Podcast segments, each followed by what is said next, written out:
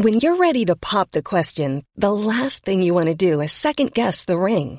At Bluenile.com, you can design a one of a kind ring with the ease and convenience of shopping online. Choose your diamond and setting. When you find the one, you'll get it delivered right to your door. Go to Bluenile.com and use promo code LISTEN to get $50 off your purchase of $500 or more. That's code LISTEN at Bluenile.com for $50 off your purchase.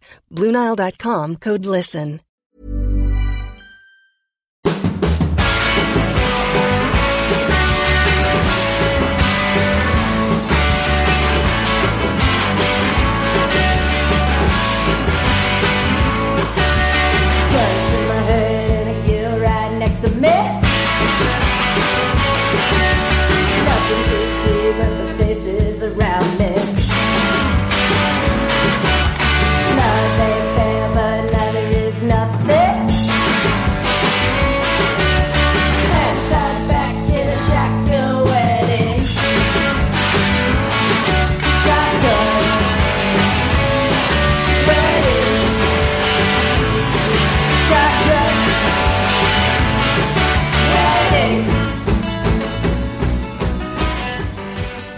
Välkomna till Indiepodden avsnitt 67 och del 2 av vårt säsongsuppsnack inför NTT Indycar Series 2021. Jag heter Ronny Larsson Miles och med mig har jag morgonsoffestjärnan Anna Andersson.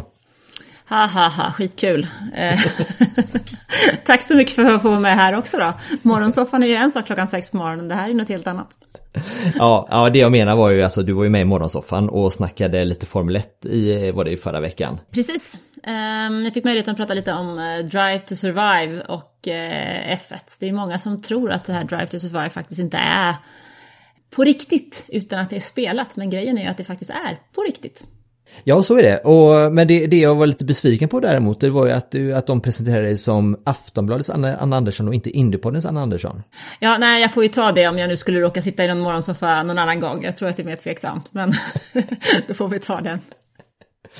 Ja, vi har ju några team och förare kvar att gå igenom idag, inte minst Chip Ganassi och Aaron McLaren SP där vi har våra svenskintressen. Eh, men såklart också monsterkolossen, eh, Penske får man kalla dem för. Men vi, eh, vi, vi börjar väl med Rahal Letterman Lanigan Racing, det var ett långt namn. Ja, det är alldeles för långt för min smak. RLLR tycker jag känns mycket bättre. Ska vara lätt att skriva. Ja men precis, men ska vi börja med Graham Rahal då? Ehm, 32-årige, alltså son då till eh, teamägaren Bobby Rahal då som han har ju hållit på många år nu. Han gjorde debut 2007 och är faktiskt den näst yngste Indycar-föraren genom tiderna att ha startat ett Indycar-race då. Då var han 18 år 2007 när han gjorde premiär där. Men en förare som har väldigt, har väldigt starka toppar men har haft liksom problem med consistency de här senaste åren. Men eh, bästa resultat, fjärde plats i mästerskapet 2015.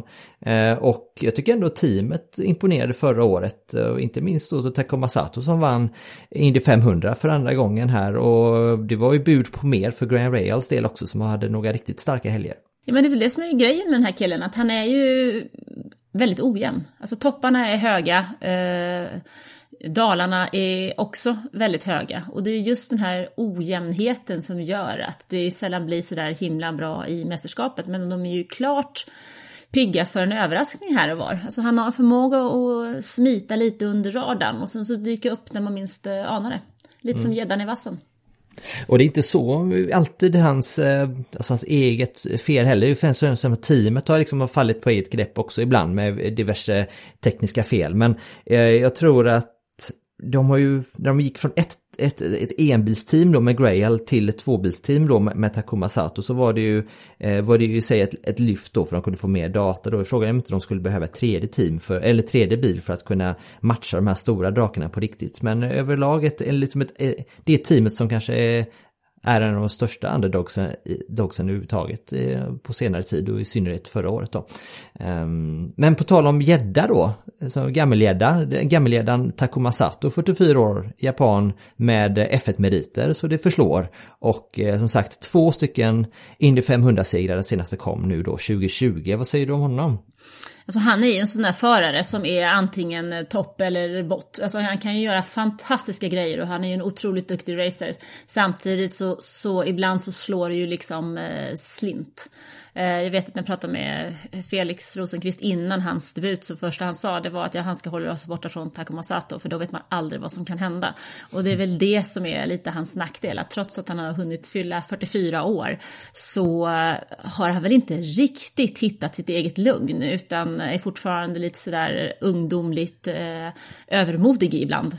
Ja, alltså Gergay ryntade ut uttrycket håll min saki när det gäller eh, Takuma Sato när han får för sig att göra några så här störtdykningar i sista sekund och så här. Men det, det jag tror att det, Marcus Eriksson och Takuma hade ju några eh, duster förra året också. Det kändes ju som över eh, teamradio så att Marcus var ju mäkta irriterad på honom och jag tror att även om Marcus är en alldeles för eh, diplomatisk person och eh, väluppfostrad eh, off track så, så tror jag att han eh, han, har nog inte, han håller nog inte Takuma jättehögt i alla fall när man ligger bredvid honom och kubbas. Nej, men det är väl det som är grejen med den här killen. Eh, han tar ju sina, grejer, sina segrar då som den här i Indy 500. Den gör han ju, men han gör det ju inte för att han är schysst. Och en anledning till att han inte dessutom eh, ligger sådär riktigt bra till i mästerskapet, det är ju också för att han varvar resultat. Det kan ju ta slut på första varvet ibland och så är han tre varv efter. Och nästa gång så är han med och slåss om en seger och då går den där idiotkörningen hem. Men det är ju inte alla gånger direkt. Men man får ändå igenom det att ah, han är 44 nu i år då. Um, för det första så att vinna Indy 500 en gång, bara det är ju liksom enormt stort och vinna det två gånger, det är ju, då, det är ju bra på riktigt. Men sen att han gör sin bästa säsong hittills nu är 2020 med en sjunde plats i mästerskapet, det, det, det, hans formkurva pekar fortfarande uppåt. Han, så att... Ja men absolut, alltså jag skulle inte bli förvånad om det är han som står som vinnare in i 500 i år heller, för det är precis de sakerna han är så oerhört duktig på. Han mm. finns ju där precis när det behövs. Eller så har han gjort bort sig innan, men har han ju inte gjort bort sig innan och är med så är ju chansen att han ska dra det längsta strået är ju ganska stor. Ska vi gå vidare till Chip Ganassi Racing då? För där har vi ju vårt första svenska intresse, Marcus Eriksson. Men jag tycker ändå vi börjar med eh, Scott Dixon, denna 40-åriga nyzeeländare som, eh, ja, vad ska man säga, vi, ni hörde intervjun med, eh, med honom förhoppningsvis i tisdags. Om ni inte har gjort det så rekommenderar vi att knappa in på Indiepodden 66 och lyssna på den intervjun. Eh, där Anna och jag träffade honom. Men vad ska vi säga, sex, eh, sex gånger mästare i Indycar, aspirerar på den sjunde i år. Eh, vann Indycar 2000, eh, Indy 500 2008 till exempel då. Så att, vad skulle, om du skulle sammanfatta Scott Dixon i en mening, vad skulle det vara då Anna? Oh, den var svår. Nej, jag måste tänka. Det ju, och det är ju riktigt illa när jag måste tänka till, alltså då tar det ju alldeles för lång tid. Nej, men det var en jätteelak fråga också, bara slänga ut, ja, sammanfatta honom i en mening. Nej, men vad ska jag säga? Eh, för mig så är Scott Dixon en, ett eh, energiknippe som inte lämnar någonting åt slumpen överhuvudtaget. Som ser till att lära sig av sina misstag och som är bäst när det verkligen gäller. Jag är oerhört imponerad över hans fjolår när han startade så himla starkt. Och trots den här pressen som kom på slutet så lyckades han eh, knyta ihop det. För då hade det varit oerhört lätt att göra ett misstag. Ehm, det här är som jag ser det så är det ju en eh, av de riktigt, riktigt, riktigt stora inom eh, motorsporten. Och det faktum att han har hållit på i samma team i 20 år, det tycker jag är oerhört imponerande. Hur man klarar av att utvecklas tillsammans så länge ja, med tanke på att Chip Ganassi också är ett team som beryktat eh, kanske inte alltid håller fast vid sina förare särskilt länge om de inte levererar så. Men faktum är att Scott Dixon har ju faktiskt levererat från mer eller mindre dag ett eh, i Chip Ganassi då. Eh, så att det Eh, Chip Ganassi, eh, teamägaren, gillar ju vinnare och eh, Scott Dixon gillar ju att vinna och fortsätter bara att göra det. det. Förra året var ju lite okaraktäristiskt ändå för Scotts del för att han hade ju, har ju som vana att kanske börja lite i lugnare tempo och sen bara bli bättre och bättre under säsongen och sen avsluta enormt starkt. Den här gången var det ju precis tvärtom 2020 där han började med att sopa rent alla på, på, på vinst segerpodiet där liksom och sen så han ju då allt eftersom Andretti och eh, Penske jobbade sig in i säsongen så blev det ju riktigt eh, spännande på slutet där med Joseph Newgarden som hasar, som nosar honom i, i hälarna. Men eh, det blev en, sin sjätte seger alltså då förra, förra säsongen. Men vi kan väl passa på att lyssna också på vad Scott själv säger inför den kommande säsongen.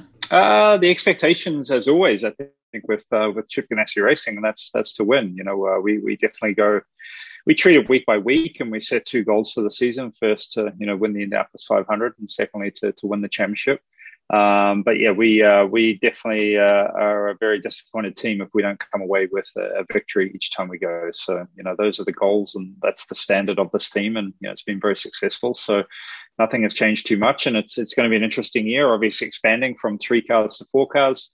Uh, there's been a lot of growth in the team uh, with the off season, you know, with the fourth IndyCar, the um, Extreme E program, and then also the IMSA, you know, Cadillac program as well. So it's been uh, it's been a busy off season for Chipanassi Racing. Och det här var alltså ett utdrag ur intervjun som jag och Anna gjorde med, med Scott här nu, det som, ni som är inne på den 66 från, från i tisdags då. Så om ni vill höra den i hela den intervjun, knappa in och lyssna på den också ska vi veta. Ska vi eh, gå vidare till, eh, ja men nu tar vi Marcus Eriksson helt enkelt. Ja men det tycker jag. Eh, det ska bli sjukt roligt att få se honom i Ganassi tycker jag för andra året. För Marcus är ju en analytiker Ehm, han är ju inte den som eh, stoppar in näsan innan han vet vad han ska göra. Så det känns ju faktiskt himla spännande att få se honom när han har kommit in i teamet. Eh, han har skaffat sig en relation med, med Scott. Han är ju själv väldigt noggrann med att bygga sina relationer och är ju en sån förare och människa som växer med tiden. Därför tycker jag det känns jättespännande faktiskt. Det var ju, förra året blev det ju en tolfte plats i mästerskapet och det var ju, eh, men det blev däremot ingen, inget podium i, i eh, förra säsongen då. Men överlag en, en jämnhet eh, som han också inför säsongen sa att han skulle prioritera det här risk versus reward och så. Jag tycker Ser man till antalet topp 10 placeringar och så, så, så är han där redan nu men det de har jagat nu inför i år då det är att kunna kvala bättre. Det är ju faktiskt det som har varit hans eh om jag får säga problem, eller hans stora utmaning under hela hans karriär. Oavsett om man har kört GP2 eller om man har kört Formel 1 så är det ju kvalen. Eh, och det känns ju som att det är där han måste förbättra sig. Han måste se till att han eh, kvalar bättre så han får starta högre upp. För får han göra det så slipper han så mycket trassel på vägen och kan få en enklare resa. Framförallt så har det ju faktiskt inte bara, det kanske inte bara har varit Marcus eh, del som har varit problemet när det gäller kvalet här nu förra säsongen. För det känns som att Shift Ganassi Racing eh, överlag hade lite mer jag fick, hade lite större problem just i, i kvaltrim då men de, de har ju sagt jobbat stenhårt med det och framförallt någonting som låg Marcus i fatet kan man säga också förra året det var ju att teamet runt honom var ju helt nybildat. De tog in då personal från eh, den IMSA-satsning då som då hade lagts ner inför 2020 så att där var det ju en del problematik kan man väl säga där han faktiskt låg riktigt bra till i ett antal race var på väg mot en topplacering men plötsligt det blir som förgjort då i samband med depåstopp där det varit lite, varit lite problem då. Men nu har han ju kvar den här kärnan runt sig eh, med ny nyckelpersoner som liksom följer med in i 2021 då så förhoppningsvis ska det ju kunna bli lite stabilare även, även på den fronten runt om Marcus i år. Ja, absolut, det var lite det jag menade eh, också när jag sa att han är bra på att bygga relationer. Mm. Han är ju, han behöver ju den här tiden för att eh, eh, hitta rätt och hitta rätt och vi får ju aldrig glömma bort att motorsport är ju ett teamwork. Alltså man måste jobba tillsammans, det är ett lag där föraren är en liten del i det hela. Eh, och jag tror ju, jag är, nej jag tror inte, jag är helt övertygad om att Marcus faktiskt vinner i längden. För han är den typen av person det jag ser mest fram emot faktiskt är att han ska få ett, ett bra, starkt Indy 500 rakt igenom. Första Första gången han körde Indy 500 då, eh, för två år sedan, var det ju, eh, då hade han den här snurrningen in i depån där.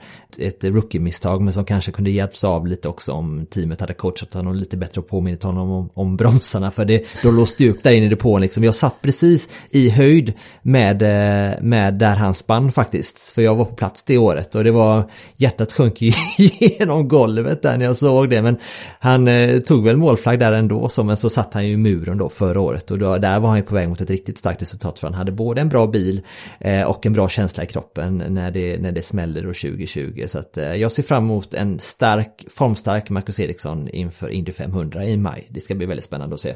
Mm, jag håller med.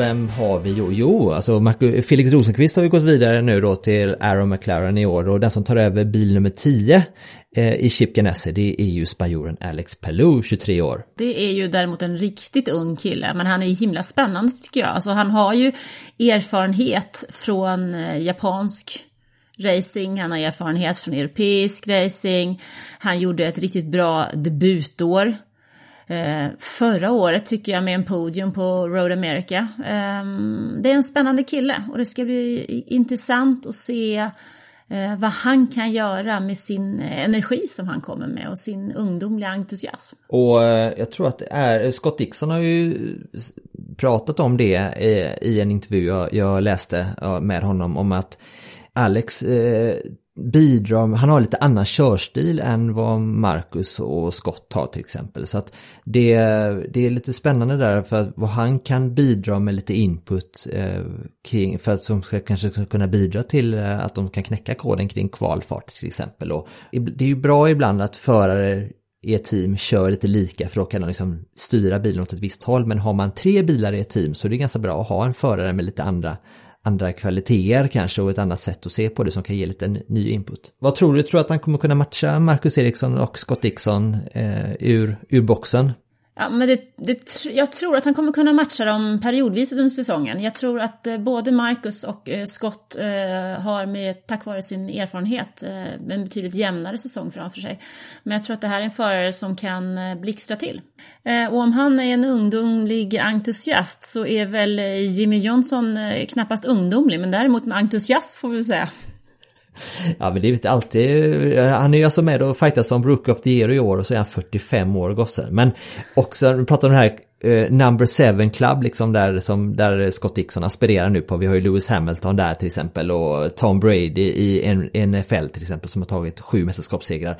Eh, Jimmy Johnson är ju faktiskt en av dem som har, han är ju sjufaldig Nascar-mästare då som eh, i år kommer köra bil nummer 48 på Road och Street Courses. Det är väl, det är den här följetongen som blir spännande att följa i år tycker jag.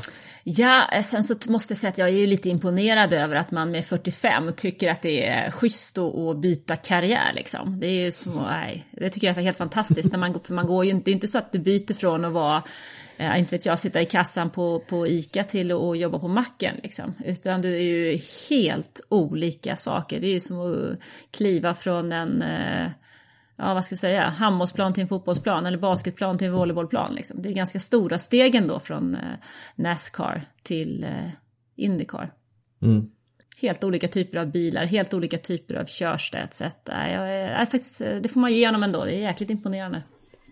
Och när vi hade, när hade Lilleves på besök här för, för några veckor sedan så sa han ju det att alltså, Nascar är typ ett av de mest svåraste du kan köra och eh, Jimmy är ju liksom beryktat känd för att vara väldigt stark när man kör sån här packracing då därför hade det varit väldigt spännande att sätta honom på ovaler i, i år. Nu blir det ju tyvärr inte så då men han har ju själv sagt det att det han måste kämpa med och det som är den största omställningen för honom det är att liksom hitta rätt arbetsfönster för däcken i år för det är liksom helt annat. Man behöver inte jobba däcken på på det sättet i, i Nascar då. Så att, och det är väl någonting också som han har ju varit en bit efter eh, sina teamkamrater under, under testerna. Men det är ju ett avstånd som har krympt successivt här nu. Och jag tror han var väldigt nöjd efter senaste testet då när han var väl innan ja, nästan en sekund efter, efter skott då på, på ett varv. Men vad, vad är det det är väl så att han kanske inte har jagat varvtider på det sättet utan snarare hittat, hittat en jämnhet och en känsla för bilen. Så att vi ska nog inte ha för stora förhoppningar på honom kring, i alla fall inte i samband med kval. Nej men alltså han, han måste ju få hitta sitt sätt att ta sig an detta.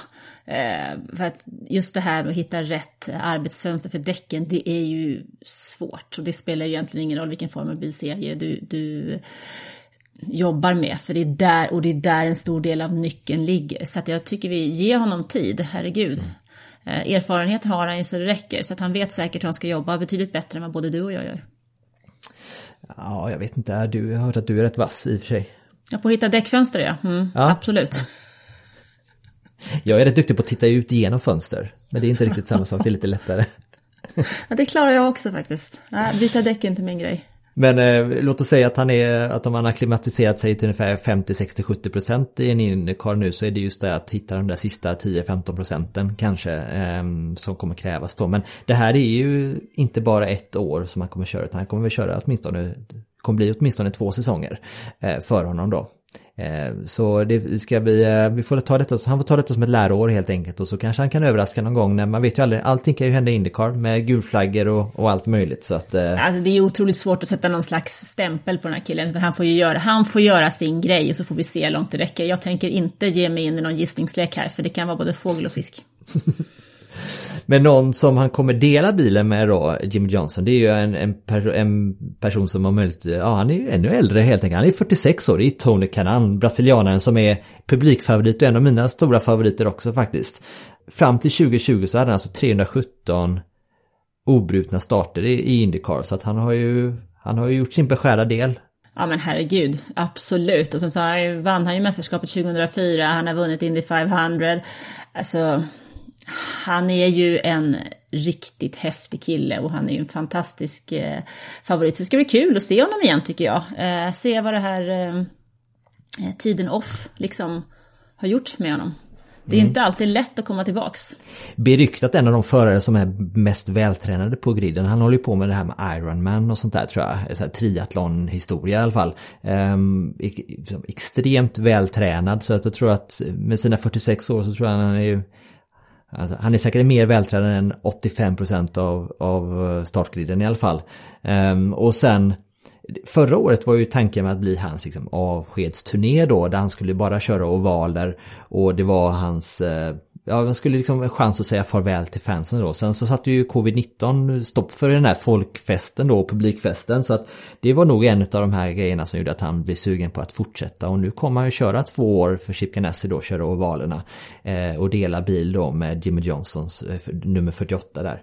Eh, men det, vet du att han kommer inte bara köra Indycar i år. Han, har ju ganska, han är ganska busy. Han kommer köra totalt 18 race i år.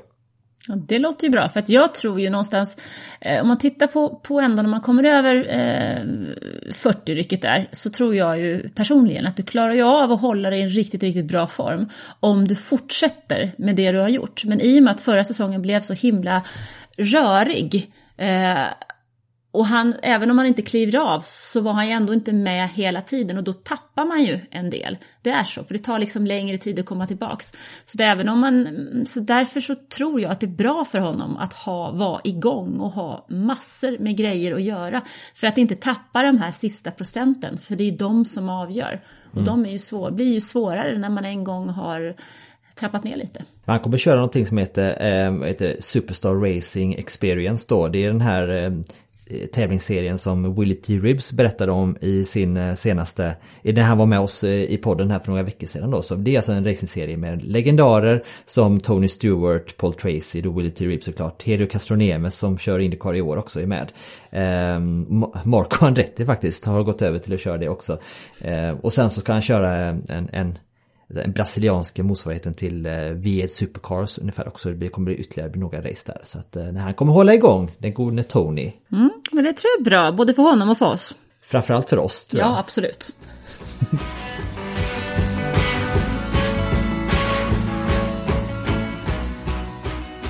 nu kommer vi till ett annat intressant team. Penske, som var så himla nära att plocka den där titeln förra året tillsammans med eh, Josef Newgarden.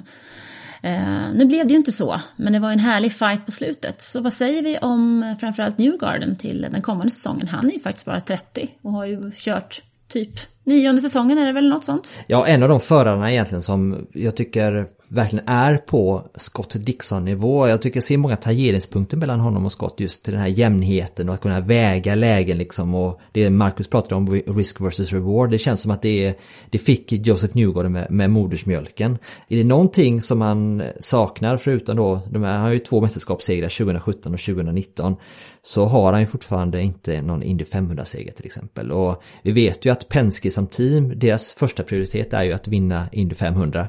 Um, ehm, och det är väl någonting som är genomgående som alla förarna i Penske har sagt i år här nu att ja, Indy 500 är prioritet nummer ett. Och det vore nog inte helt osannolikt om det blir Joseph Newgarden som vinner det i år. Nej, jag tror att du kan lägga rätt där. Alltså det där är en kille, om man vunnit två mästerskapstitlar på fyra säsonger så är man ju med i där uppe och man vet ju vad det är man ska göra. Och jag varit faktiskt väldigt imponerad av honom förra året.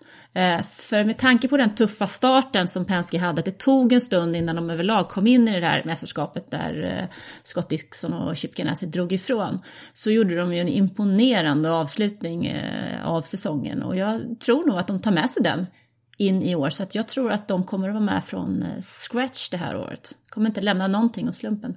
Men som du säger, Joseph hade en otroligt stark avslutning förra året och det handlade ju fyra vinster då varav tre kom i de sex sista racen då, totalt sex podiumplaceringar. Så att det är precis som, lite samma sak som Andretti här nu, att de hade också momentum in mot slutet av säsongen och det, det, det är väl inte helt osannolikt att eh, Joseph ska kunna bygga vidare på detta. En annan spännande kille är ju Scott McLaughlin som jag tycker är oerhört svårt att uttala det här efternamnet. McLaughlin, jag bara snubblar hela tiden. Liksom. Det känns som att jag ska börja skratta mitt i. Det är oerhört ohyfsat och jag skäms nästan för det.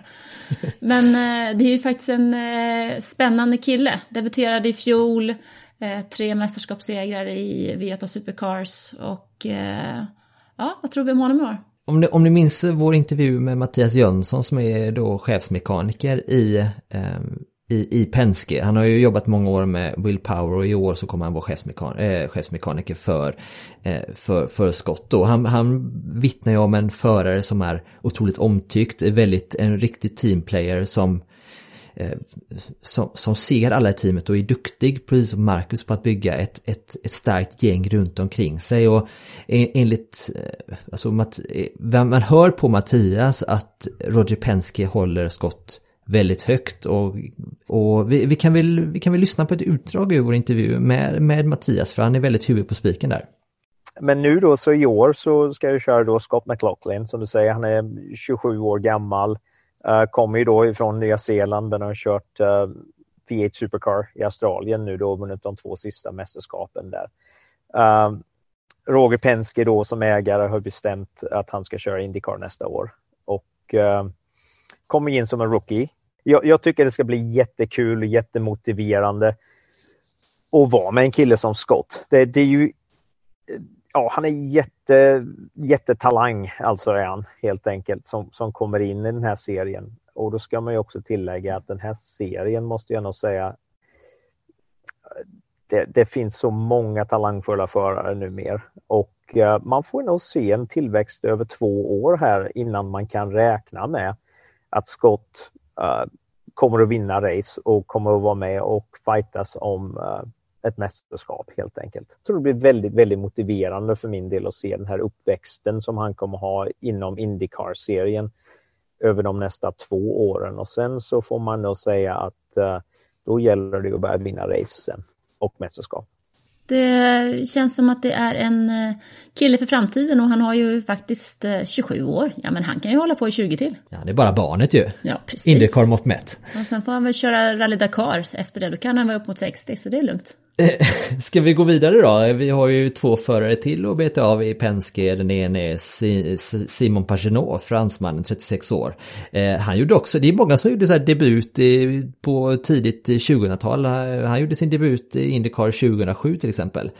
Ehm, han har ju vunnit mästerskapet 2016 och så vann han Indy 500 2019 då. Ja men det är ju den segern där, 2019, den eh, var ju faktiskt den tyckte jag var väldigt oväntad i det racet. Jag vet att jag satt länge och tittade och hade liksom inte alls känt att det var han som skulle ta det där. Men det är ju så himla typiskt Indy 500 liksom att man, man, man har sin favorit. Ja, men det här går, det här går och så bara, vad hände?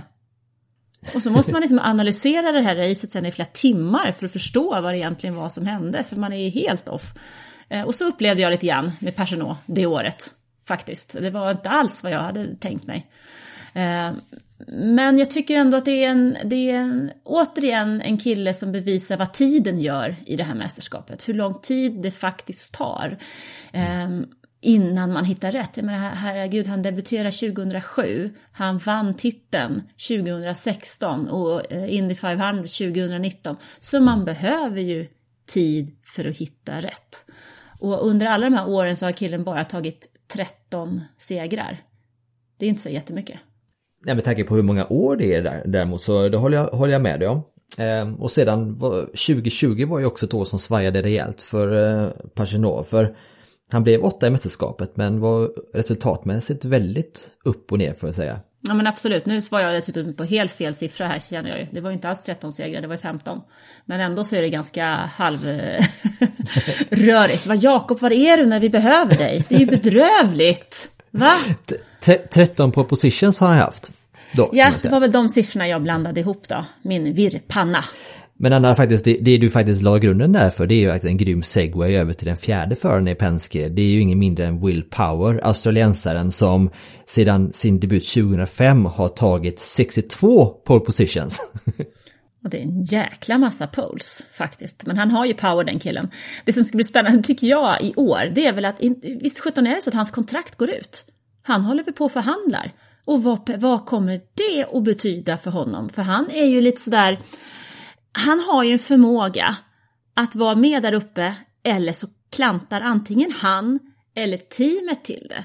det och det är ju sådana här ibland misstag som man undrar hur, hur lyckas de överhuvudtaget? um, och då är frågan, vad sätter en sån sak om vi har en kontraktsförhandling som pågår? Vad sätter den för snurr i huvudet på den här killen? Det kan man ju fråga sig. Ja, det ska bli väldigt spännande att se vad, hur det kommer påverka honom. Sen tror jag, får han en stark inledning på säsongen så klart, då är det nog då är det nog rätt lätt att släppa eh, den här oro kring kontaktsituationen och sånt där. Men bevisligen så har han ju nerver av stål med tanke på hur starkt han, kvalar. Men någon som återigen som känner Will mer än, än någon annan egentligen, det är ju Mattias Jönsson som har varit hans chefsmekaniker under ett antal säsonger och han har en väldigt tydlig bild av vad som är Wills styrkor och Wills svagheter. Men vi kan väl passa på, vi lyssnar på det igen vad Mattias hade att säga om, om Will här när han var på besök hos oss. Will har ju en fruktansvärd laserförmåga att fokusera sig på en väldigt, väldigt kort stund och ja, ska inte säga, ska inte ta bort ifrån att han kan fokusera längre tider heller. Jag vill inte att det ska låta så, men, men just den här laserfokuseringen på, på ett kvalvarv just, så, så är det svårt att hitta någon som, som är bättre på det och som kommer vara bättre på det inom kort tid det, det, är nästan lite Senna-stil där måste jag säga på honom. Vad det gäller när det gäller ett kval så kan man Okej, okay, de röda däcken som ska vara snabbare, som ska ha mer grepp och så vidare. Ja, de är slut nu. Alla har kört. Ja, jag har inte pol. Ja, men bulta på de här däcken som är liksom fem tiondelar saktare då, så får jag gå ut och försöka i alla fall. Och jag vet inte hur många gånger han har gjort det på svarta däck. Även liksom, och, ja, ingen har ju förtroende på att det kan göras, men så gör han det i alla fall. Uh, mm så han är ju kvalmästaren. Det, det, är ju inget snack om det. Men sen så kan man väl säga just som racecraft i övrigt så, så har han inte samma fokusering vad det gäller det här med racecraft. Och det, det ska vi snacka om både när man kommer in i pitten, för det, det är ju liksom ett package om man säger vad det gäller. Du kommer ha bilar som är din väg. Som sagt, det är amerikansk racing vad det, vad det gäller gulflagg och så vidare. Så även om du startar på pool så någon gång under ditt race är racet normalt här borta så kommer du ju bara bakom bilar och du kanske får göra någon passering och så här. Och jag tror han läser inte motståndarna lika väl som någon med hans rutin ska egentligen göra. Och eh, givetvis 2014 som sagt så vann han ju mästerskapet trots allt. Så att det finns ju där att han kan göra det. Mm. Men däremot kan man ju också titta tillbaks på de tidigare åren då han skulle nog ha vunnit en tre mästerskap till. Det är ändå, ändå slående på något sätt att han är så oerhört stark på ett varv men inte får ihop det. Liksom fyra, fyra gånger tvåa. Och sen så lyckas man inte smälla de här eh, kvalvarven till Alltså det är den förval- alltså man måste kunna förvalta det där ja. polen också liksom. Det är där någonstans det går fel. jag tycker det är roligt när Mattias pratar om det här med attention span. Liksom. Han, har väldigt, han, han kan kanalisera väldigt mycket liksom, energi liksom, in i just det här varvet så, men ibland kan liksom tappa det lite då under, under en längre period då. Ehm, men du, det är väl en, en av favoriterna, Will Power, Anna, en av dina favoriter? Ja men det är det, men jag vet, jag, ibland så funderar jag över varför. För jag blir ju så himla irriterad när de, när de bränner sådana chanser. Alltså, det ju, går ju mot min personliga... Eh, ja, känsla för hur idrott överhuvudtaget ska bedrivas så är det ju att man alltså, missar öppet mål. Det får man ju inte göra. Och jag tycker ju någonstans att de här, nej, 62 poles, det hade ju behövt ge ett bättre resultat. Men jag tror att jag gillar namnet alltså. Jag tycker att det är för härligt att heta power när man sysslar med motorsport. Det är lite power ändå kan vara så att det är faktiskt Will Power som gör att jag gillar liksom hela Penske nu i år. Att du har de här fyra förarna i år som till synes har helt olika karaktärer. Du har då den här galenpannan Will Power, för han är ju jävligt rolig utanför banan också. Jag vet inte om du följer honom i sociala medier. Absolut. Han är ju helt han är fullständigt galen då va. Eh, och så har du Simon Pagenaud som är det här kan man säga den här analytiska försiktiga gentleman-fransosen liksom. Eh, och så har du med Scott McLaughlin då, eh, nya zeeländaren Kiwin då som kommer med sin talang då. Eh, och så Joseph Newgarden som är kan man säga den nya Scott Dixon. Så att hela den, den kvartetten ska bli väldigt spännande att se i och med att de är så olika personer också. Ja men det är ett häftigt spann. Hade vi kunnat liksom kombinera ihop Power och Pagenaud, då hade vi kanske suttit där på 39 poles och 62 vinster och då hade det låtit helt annorlunda. ja precis. Får se om vi kan ta fram någon sån hybrid framöver. Det kanske dyker upp. Det kanske är Scott McLaughlin, det vet man aldrig. Ja, vem vet.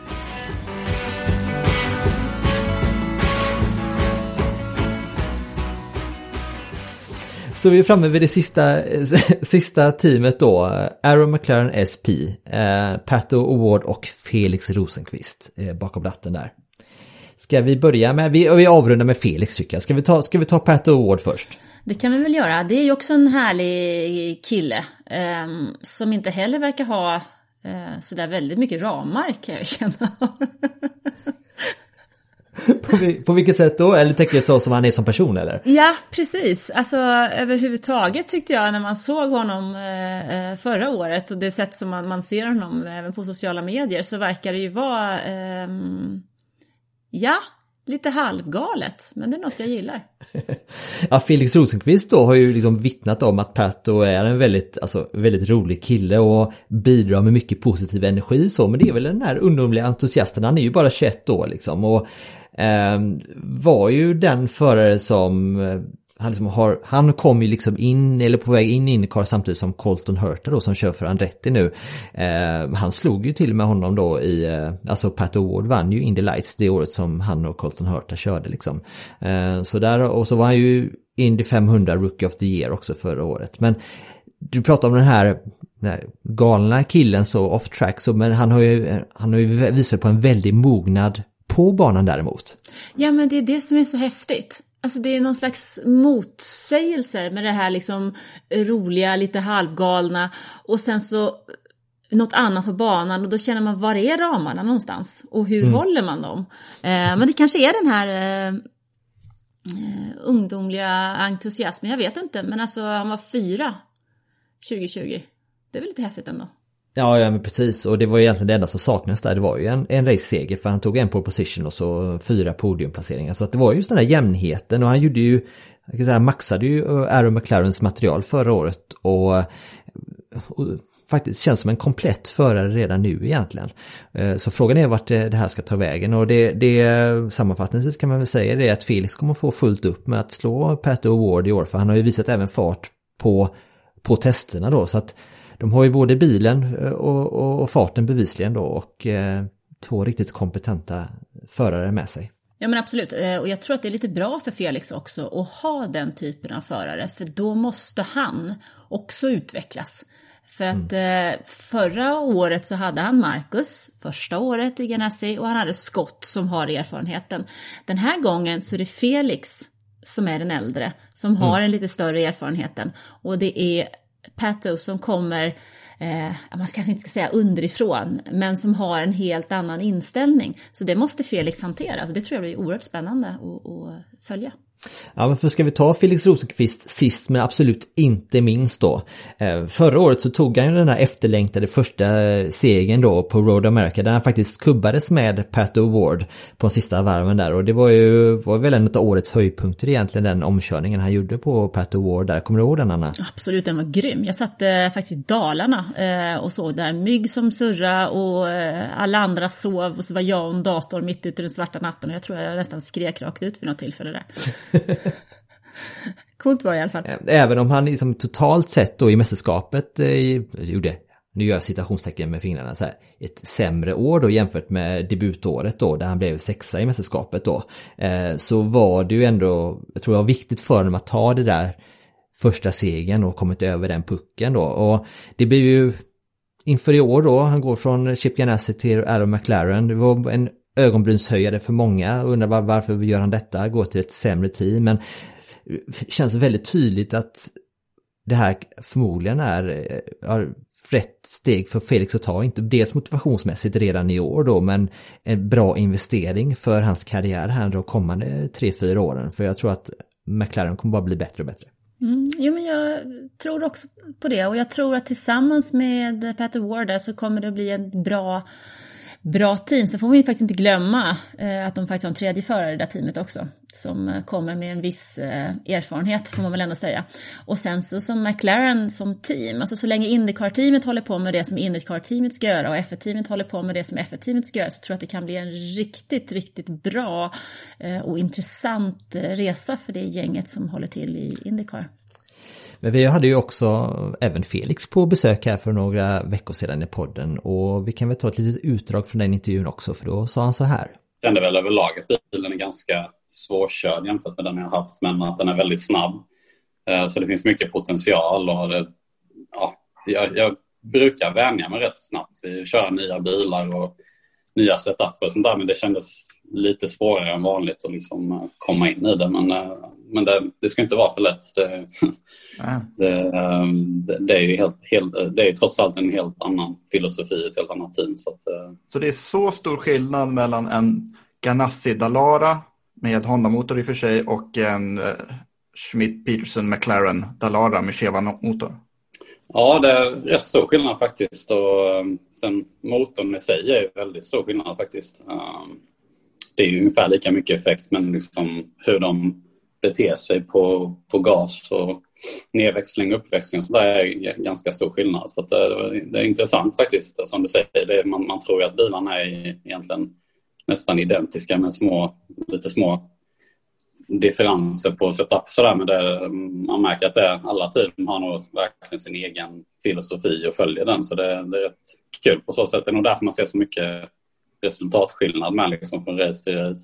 Men så du var inne på Anna, nyckeln för honom här nu att hitta rätt i teamet här, det är ju, även om det är en så här spexserie då där alla bilar är lika så är det ju vissa detaljer, både filosofin i hur man sätter upp en bil och eh, ställer in en bil och hur eh, dämpare och sånt där fungerar som kan liksom bilarna blir väldigt olika och jag tror att om Felix inte liksom hittar rätt de här första två helgerna rent kanske i kval, kvaltrim då så har de ju farten i bilen. Jag tror att det, är bara en tidsfråga innan han liksom är, ifatt Pat O'Ward i så fall på, på den fronten också. Så det ska bli, ska bli väldigt spännande eh, att följa det här teamet i år faktiskt och mm. i synnerhet Felix då.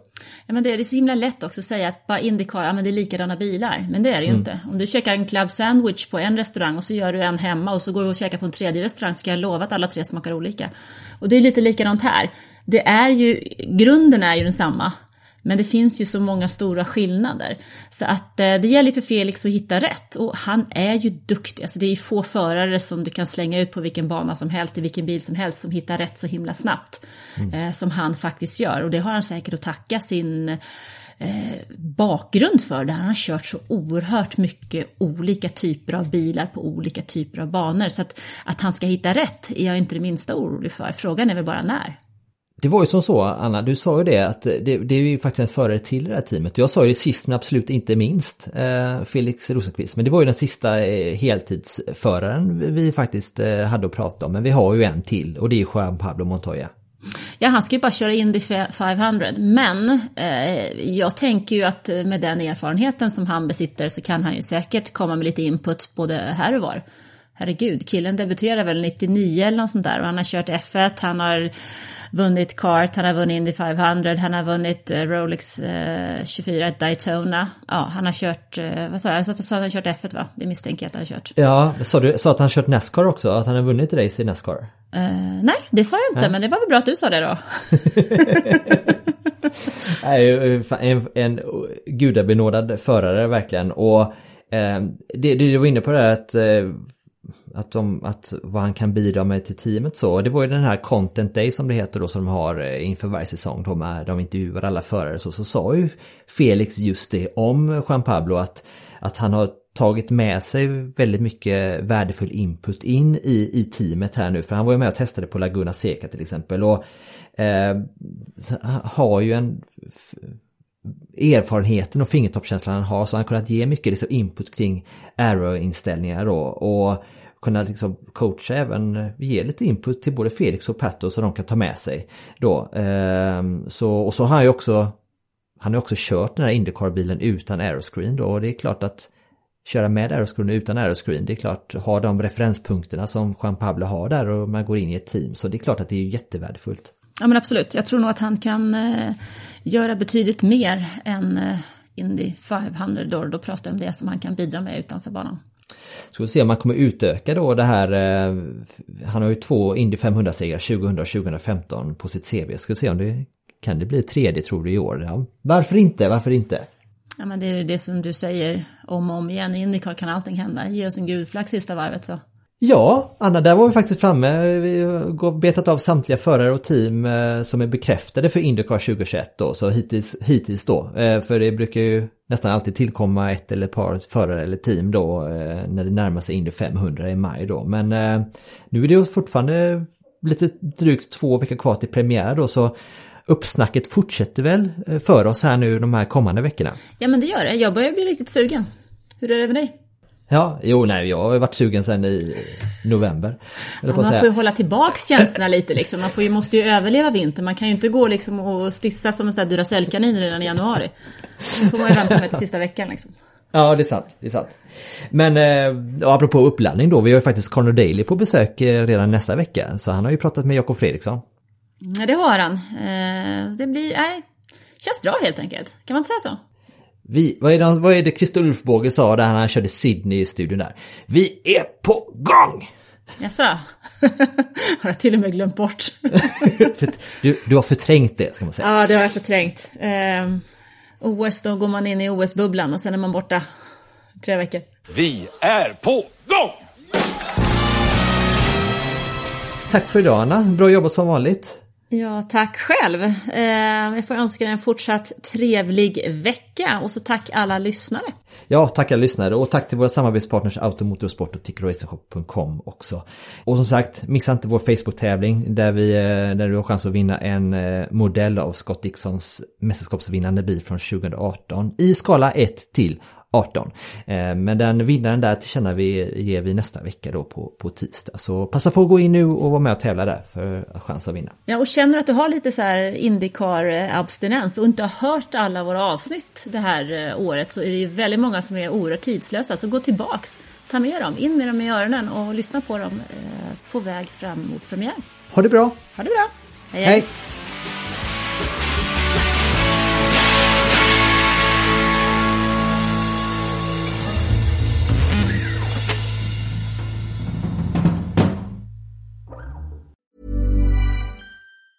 Even on a budget, quality is non-negotiable. That's why Quince is the place to score high-end essentials at 50 to 80% less than similar brands. Get your hands on buttery soft cashmere sweaters from just 60 bucks, Italian leather jackets, and so much more. And the best part about Quince, they exclusively partner with factories committed to safe, ethical, and responsible manufacturing. Elevate your style without the elevated price tag with Quince. Go to quince.com slash upgrade for free shipping and 365-day returns.